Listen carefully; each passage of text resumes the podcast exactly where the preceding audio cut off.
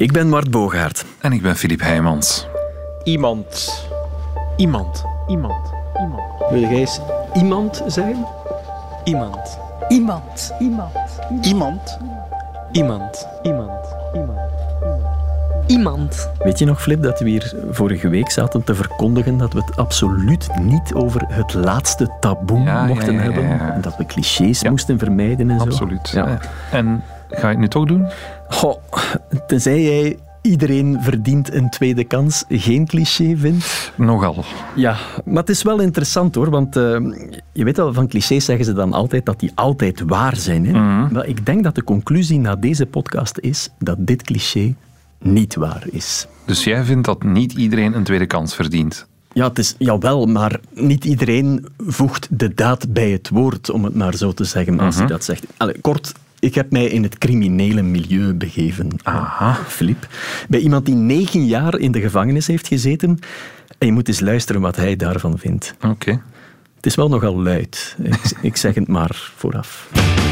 Jij maakt geen deel meer uit van onze samenleving. Jij hoort er gewoonweg niet meer bij.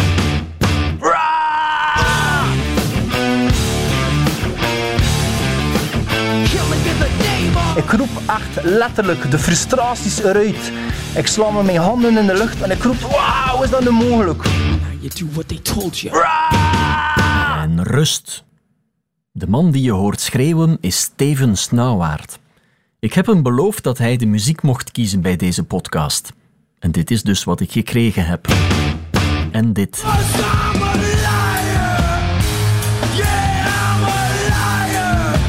En ook dit.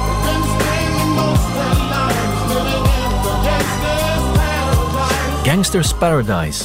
Een song op zijn lijf geschreven. Want Steven Snauwaard is een gangster. Het is te zeggen, een ex-gangster. Al zijn er weinigen die dat geloven. Mensen hebben gewoon schrik van mij. Ik ben gewoon een andere persoon, maar niemand gelooft in mij. En dus schreeuwt hij af en toe. Tijdens het joggen. Heb Steven Snauwaard leren kennen twee jaar geleden toen ik hem interviewde over zijn eerste boek Ex-gangster. Een schrijnend verhaal over een jongen die verwaarloosd en mishandeld wordt door zijn ouders en grootouders, een brandende haat tegen de maatschappij ontwikkelt en al heel vroeg in de criminaliteit belandt. Het begint al in de lagere school. Het was mij opgevallen dat de kleuterjuffrouw een sigarendoosje had met allemaal muntstukken erin. Iets in mijn hoofd zei zo van, ik wil al dat geld hebben. En later in de speelgoedwinkel stond daar een hele grote doos Playmobil. Dat was een piratenschip en dat kostte enorm veel geld. En de doos waar het piratenschip in zat, daar had ik een kleine opening in gemaakt. En stukje bij beetje nam ik iedere keer een stukje Playmobil uit de doos en ik stak die in mijn broekzak. Maar kleine jongetjes worden groot. Wanneer ik 16 jaar was en wanneer ik een slag kreeg tegen mijn hoofd van mijn vader, toen pas heb ik teruggeslaan.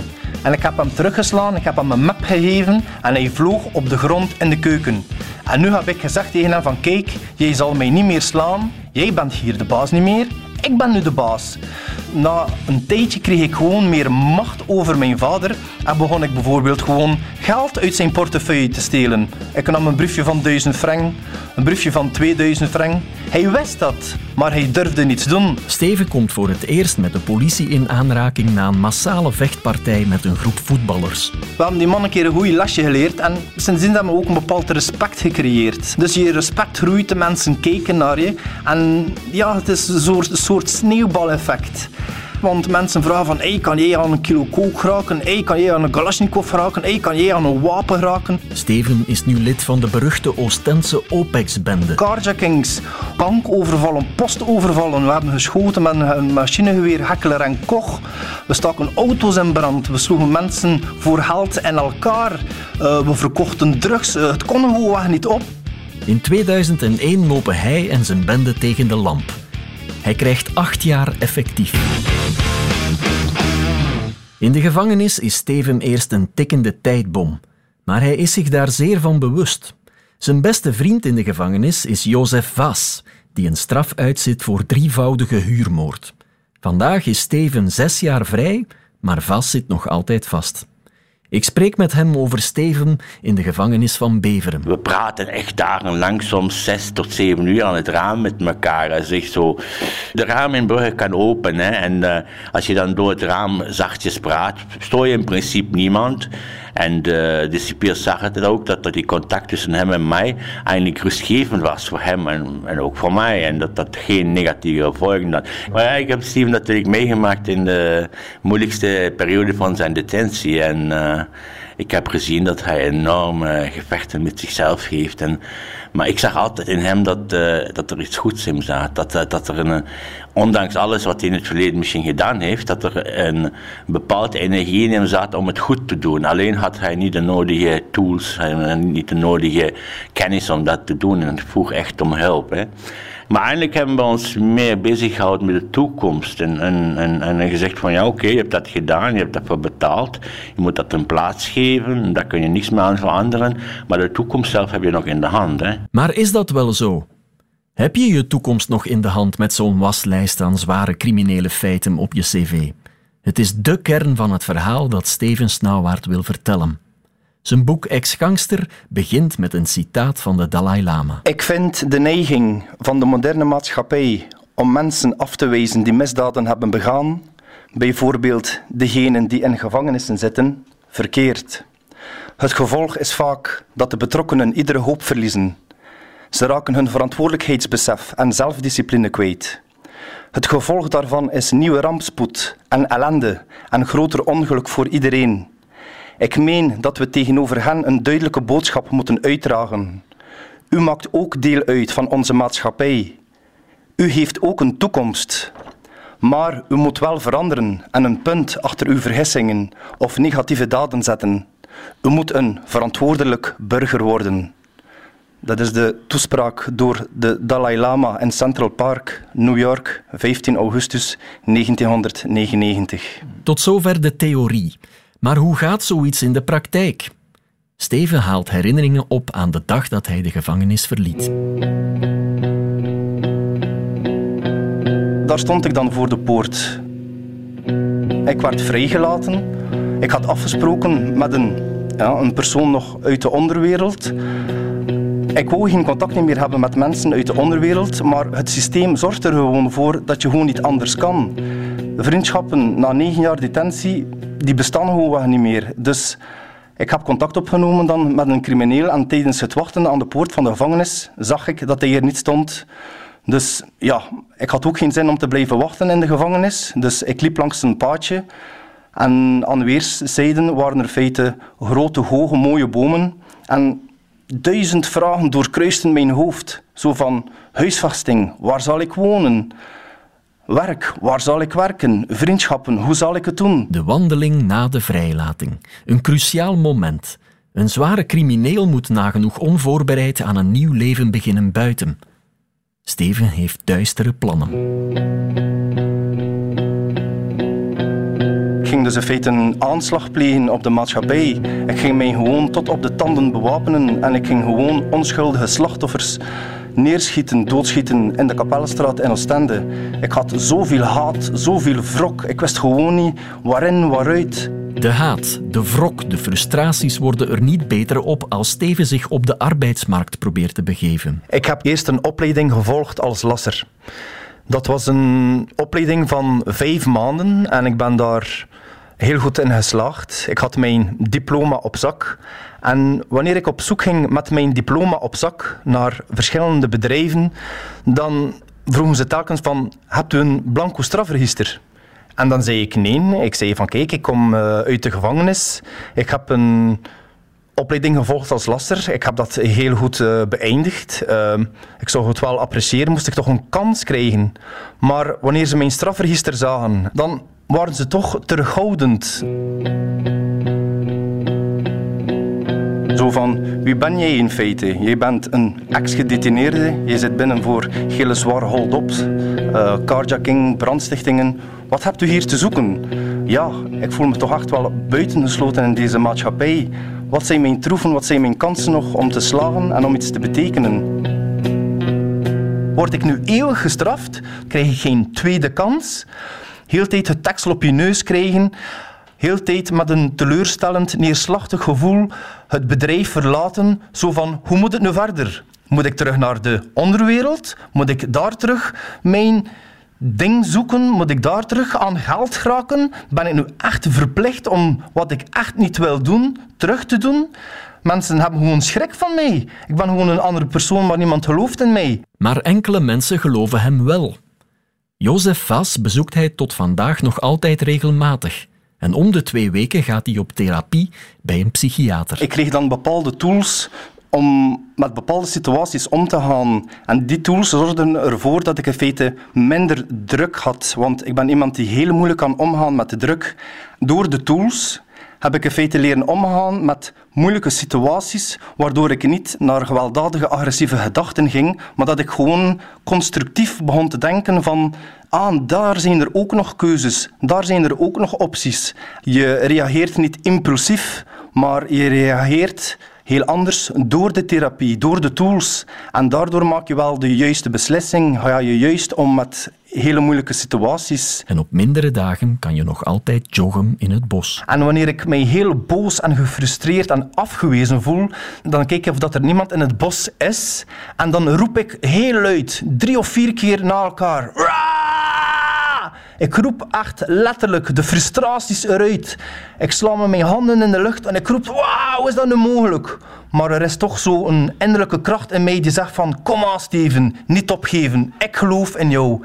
De stem in mijn hoofd is zodanig krachtig dat ik toch weet en geloof in mezelf van, je kunt er geraken, maar je moet gewoon gemotiveerd blijven, je best doen en gewoon je koers blijven aanhouden. Je hebt twee keuzes in het leven. Ofwel ga je verder met de mensen die in je geloven, ofwel probeer je de tijd de mensen te overtuigen die niet in je geloven. Maar wat geeft het voor zin om steeds de mensen te overtuigen die niet in je geloven?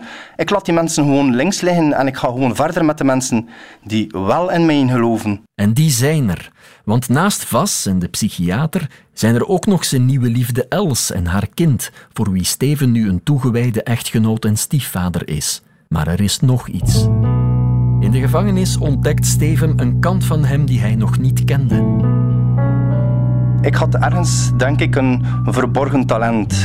Wanneer ik in het eerste jaar in detentie zat, dan begon ik brieven te schrijven naar vrienden, naar kennissen in de gevangenis, buiten de gevangenis. En daar groeide in feite mijn talent. Ik werd er ook op gecomplimenteerd. Mensen zeiden van, och, jij kan mooi schrijven. En naargelang het schrijven dacht ik bij mezelf van, ja, ik heb al een verhaal te vertellen. Misschien kan ik dat, wanneer ik vrij ben, kan het mij misschien ontplooien als schrijver en zo toch iets vertellen, iets betekenen, een steentje bijdragen aan de maatschappij. Zijn boek Ex-gangster is een verkoopsucces. En dat succes brengt hem op ideeën. Heel veel gedetineerden die ik ken, bijna 80% zit terug in de gevangenis. En ik ben nog altijd vrij. Ik heb nog altijd de motivatie om het goed te doen. Ik heb de motivatie om jongeren te helpen. Ik wil gewoon later ook, als dat kan, voordrachten en lezingen geven voor jongeren die al misschien op het verkeerde pad zijn, om toch als ervaringsdeskundige mijn steentje bij te dragen. Als ik niet zo goed doe in de zin zo van, jij werkt niet, maar ik help wel jongeren die op het verkeerde pad zijn, op het rechte pad. Dat is toch ook iets heel moois en toch, ja, dat mag toch ook wel ergens beloond worden. Het gaat als volgt. Ik herinner me nog een van de weinige keren dat mijn vader me bij me op bezoek kwam. Je hoort Dirk de Klerk. Hij stak tijdens het glasbezoek zijn duim omhoog. Leraar godsdienst aan het VTI in Waregem. Met dit gebaar wilde hij aantonen dat hij het cool vond wat ik gedaan had. Elke week leest hij zijn leerlingen, 16, 17-jarigen, een hoofdstuk voor uit Ex-gangster. Ik wist al langer dat hij bewondering had voor misdadigers. Het kan aan mijn aanwezigheid liggen, maar het is muisstil in de klas. Zijn kijk op criminaliteit was dan ook mannen die zware feiten pleegden, dat waren nog eens echte mannen. Zo, jongens, dat was het voor vandaag. Eh, volgende week het volgende stukje. Oké, goed. We gaan verder met de les. Het is absoluut niet mijn bedoeling om daar een persoonlijke van te maken. Eh, Steven Snauwaard is wie dat hij geweest is. Eh, hij heeft verkeerde keuzes gemaakt. Je kan dat allemaal wel begrijpen, maar uiteindelijk, feiten zijn feiten en we gaan ook die feiten niet gaan verzwijgen. Dus er is daar criminaliteit gebeurd. Natuurlijk, ehm, als je dat vertelt, bijvoorbeeld uh, in de vrienden- en kennissenkring, uh, ik ben dat boek aan het lezen, dan zegt men al rap zo van, ah, een crimineel of uh, iemand die, oh, men gebruikt dan wat minder vrije woorden voor zo. En dat is natuurlijk een eerste reactie. We hebben een eerste reactie en die eerste reactie als we mensen ontmoeten is vaak een emotionele. Uh, we hebben eigenlijk onmiddellijk ons oordeel of ons vooroordeel in dat geval dan eigenlijk uh, wel klaar. En ik wil daar wat tegen ingaan. En is dat niet exact wat Steven Snauwaard zelf wil vertellen? Het is ook uh, van te zeggen van kijk, wanneer ken je pas iemand? Ehm, wanneer je heel het verhaal kent. je moet de hele waarheid omtrent dat verhaal kennen. En misschien zijn er wel meerdere waarheden daarbij aanwezig. En daarvoor heb je ook een jaar de tijd nodig om, uh, ja, om zo iemand te leren kennen. Dirk gaat in gesprek met zijn leerlingen over het boek. Het is een goed boek omdat, um, ja, eerst is het door die moeilijkheden dat hij eigenlijk zo geworden is en zo. En dan, als hij in het gevangen zit, begint hij dan wel te beseffen dat hij fouten heeft gemaakt en dat hij het zo wel allee, wil goed maken en zo. Ik denk niet dat, dat je hem nog veel langer moet opsluiten, want ik denk dat hij al genoeg gestraft wordt met het feit dat hij dat gedaan heeft en dat hij er spijt van heeft. En dat is dan een straf op zijn eigen. Like nu denk ik wel dat hij dan een gewone meneer is die gewoon, ja, gewoon leven heeft, like iedereen. Ja, dat hij wel weet dat hij fouten heeft gemaakt, maar dat hij daar uh, alles zo aan doen voor dat goed te maken nu. Als ik de klas wil verlaten, klampt een van de leerlingen mij aan. Meneer de Klerk uh, was begonnen met het verhaal en um, ik was in het begin al direct gefascineerd erdoor, omdat uh, ja, in uh, sommige situaties gebeurt dat echt wel vaak, dan uh, de jongeren criminaliteit begint te doen, doordat, doordat ouders hun achterwege laten. En dat begint meestal klein, door bijvoorbeeld op je vijf jaar al in winkel beginnen met snoepstelen.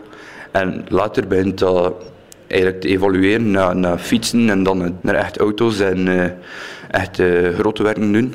En uh, ik was er zo gefascineerd door dat ik uh, naar de biep ben gegaan, uh, direct dat boek heb uitgekozen, naar huis gegaan en binnen de twee uur was dat helemaal uitgelezen. En allemaal omdat, omdat ja, ik heb eigenlijk ook zelf al zo'n soort ding gedaan. En ja, daardoor ben ik beginnen lezen. En als je zo ziet hoe dat verhaal helemaal in elkaar zit, dan snap je ook waarom je dat zelf doet. Want ik wist, ik wist van mezelf niet waarom dat ik dat deed. Ik deed dat gewoon eerst voor de kick. Maar nu dat ik dat heb gelezen, weet ik ook waarom dat ik dat heb gedaan voor de kick. Dat, dat was ook een beetje doordat mijn ouders mij uh, achteruit begonnen te steken. En dat ik ook wel met verkeerde vrienden omging. En nu, door het boek, nu ben ik echt wel uh, gestopt ermee. Ik laat mijn gesprek met de jongen aan Steven horen. En hij voelt zich gesterkt in zijn overtuiging dat hij en zijn verhaal iets kunnen betekenen. Als je thuiskomt en je wordt steeds vernederd, dan, dan is het natuurlijk zoek je een bepaalde erkenning. Je wilt goed zijn in iets, maar als je bijvoorbeeld een goed rapport hebt en je krijgt geen schouderklop, maar je steelt iets en je merkt dat er geen problemen zijn en dat je er goed van afkomt. Dus ja, je legt de lat steeds hoger en hoger en hoger.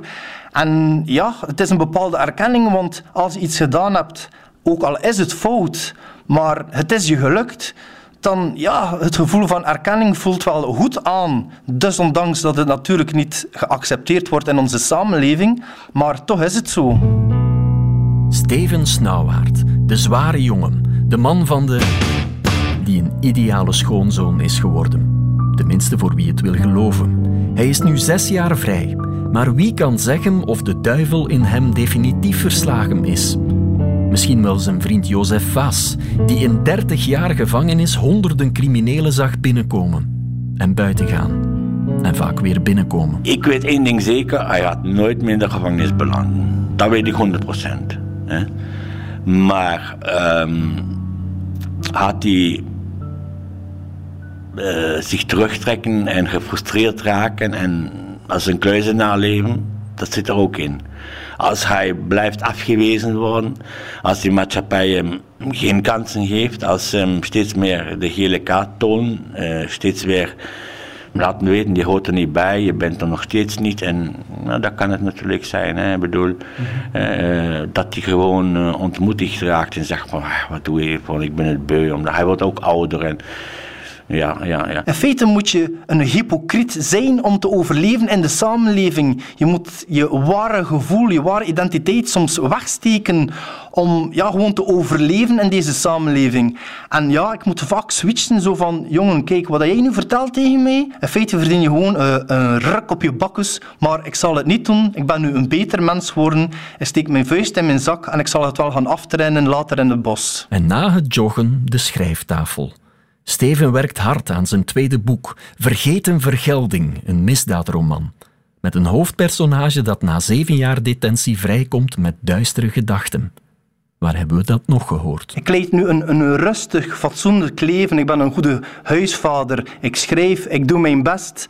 Bij mijn laatste sollicitatie zag ik gewoon hoe de persoon die uh, bij de sollicitatie was, de manier hoe, hij, dat hij de vragen stelde aan mij, zag ik gewoon hoe dat hij ja, mij bekeek zo van, ja, ik doe hier wel een sollicitatie met jou, maar in feite weten we allebei dat je niet aan de bak zal komen. En mijn laatste sollicitatie heeft er in feite voor gezorgd zo van, ik werd gewoon zo heel apathisch. Ik werd heel onverschillig. Zo van, ja, ik weet het dat ik hier niet uh, aan de bak zal komen. Maar weet je wat? Ik zal ook geen slaafje zijn van de maatschappij. Ik zal hier ook niet smeken om werk. En daarom heb ik ook mijn boek geschreven. En er zijn veel gedetineerden die mijn boek ook op cel hebben. Zo van, kijk, geloof in jezelf. Je kan het. Laat je gewoon niet doen door het systeem. Geef het systeem geen kans om je te laten ondermijnen. Je moet het positieve, het goede vinden in jezelf. En ik wil gewoon illustreren aan de gedetineerden die opnieuw in de gevangenis zitten, zo van, hé hey mannen, er is echt een manier om te overleven in onze samenleving, ondanks dat we zwaar mishandeld, sommigen misbruikt of verknipt zijn. Het doet er gewoon niet toe. Er is een manier om te overleven, maar je moet geloven in jezelf. En ik wil deze voorbeeldfunctie zijn en ik wil zelfs nog verder gaan, want ik wil gewoon hebben dat de vooroordelen in onze samenleving, de maatschappij een beetje uitgaan. Want je moet heel goed begrijpen, de mensen die steeds gestraft worden en nog steeds opnieuw in de gevangenis geplaatst worden, die mensen worden na een tijdje ook gevaarlijker, worden ook verbitterd, worden ook meer en meer uitgestoten in de maatschappij. Dus het is in het belang van de samenleving dat we deze mensen terug aanvaarden voor de veiligheid van iedereen. Zoals de Dalai Lama al zei bij het begin van dit verhaal. Het laatste woord is voor Jozef Vaas, drievoudig moordenaar. Een boezemvriend van Steven, omdat die meer in hem ziet dan het label dat de maatschappij hem blijft opplakken. Als je die mensen toen in de gevangenis daar, cipiers en iedereen vraagt zou hebben, hoe lang gaat Steve buiten blijven? Zouden ze gedacht hebben en zeggen, ja, we drie maanden zitten weer hier met een zwaarder. Iedereen dacht daar zo over, hè? hè? Behalve jij. Behalve ik. En ik zei ook tegen, tegen hem, zo Steve, uh, die mensen gaan echt nog uh, raar opkijken hè, wat jij gaat bereiken in de toekomst. Hè. Bedoel, je gaat, je gaat uh, tonen dat het ook anders kan. Hè. Maar jij hebt dit in je. Hè. En ik, ik zag dat in hem. Ik heb niet veel vrienden, maar Steve is zo van. het is echt zo, als hij, als morgen een lever nodig, lever, een nier nodig heeft, ga ik hem die geven. Ik bedoel, dat is echt ja, ik mag hem zeer graag. Het is, uh, als hij op bezoek komt, dan denk ik, met mijn ziel, hoe is het jongen? En, en we praten eventjes en, en positief. En, uh, dat is gewoon fantastisch, ja. Ja, ja, ja, ja, ja, ja. Ready or not, here I come, you can't hide. Ready or not van Fugees. Dat stond ook nog op Stevens muzieklijstje. Ready or not, here I come, you can't hide. Gonna find you and make you yeah. want me. Now I escape, sleep, walk. Yeah. Those who correlate know the world ain't cake. Jail bars ain't golden gates. Those who fake, they break. When they meet their 400 pound mate, if I could rule the world, everyone would have a gun in the ghetto, of course, when get the up and on their horse. I kick around drinking moonshine. I pour a sip on the concrete for the deceased, but no, don't we. Ex-gangster, het boek van Steven Snauwaard, is uitgegeven bij Borgerhof en Lambrechts. Je vindt het in de boekhandel. En intussen vertelt hij zijn verhaal ook in scholen. Iemand is een productie van Philip Heijmans en mezelf, Bart Bogaert, voor Radio 1. Onze tune is van Ansatz der Machine, waarvoor dank. En volgende week hebben we iemand anders. Did you kill anyone in the last war? Absolutely Nermin, where the gun? I shoot it. All the way covered with the, the sniper, with shells, with the, the, the bombs, and all the time you risk your life. Maybe I can forgive, maybe. But I don't have right forget because in everything here I lost too many my friends. Intussen vind je ons op radio1.be of op de Twitter- of Facebookpagina van Radio 1. Je abonneren kan je via een podcast-app. Verhalen en reacties zijn nog altijd welkom op iemand.radio1.be.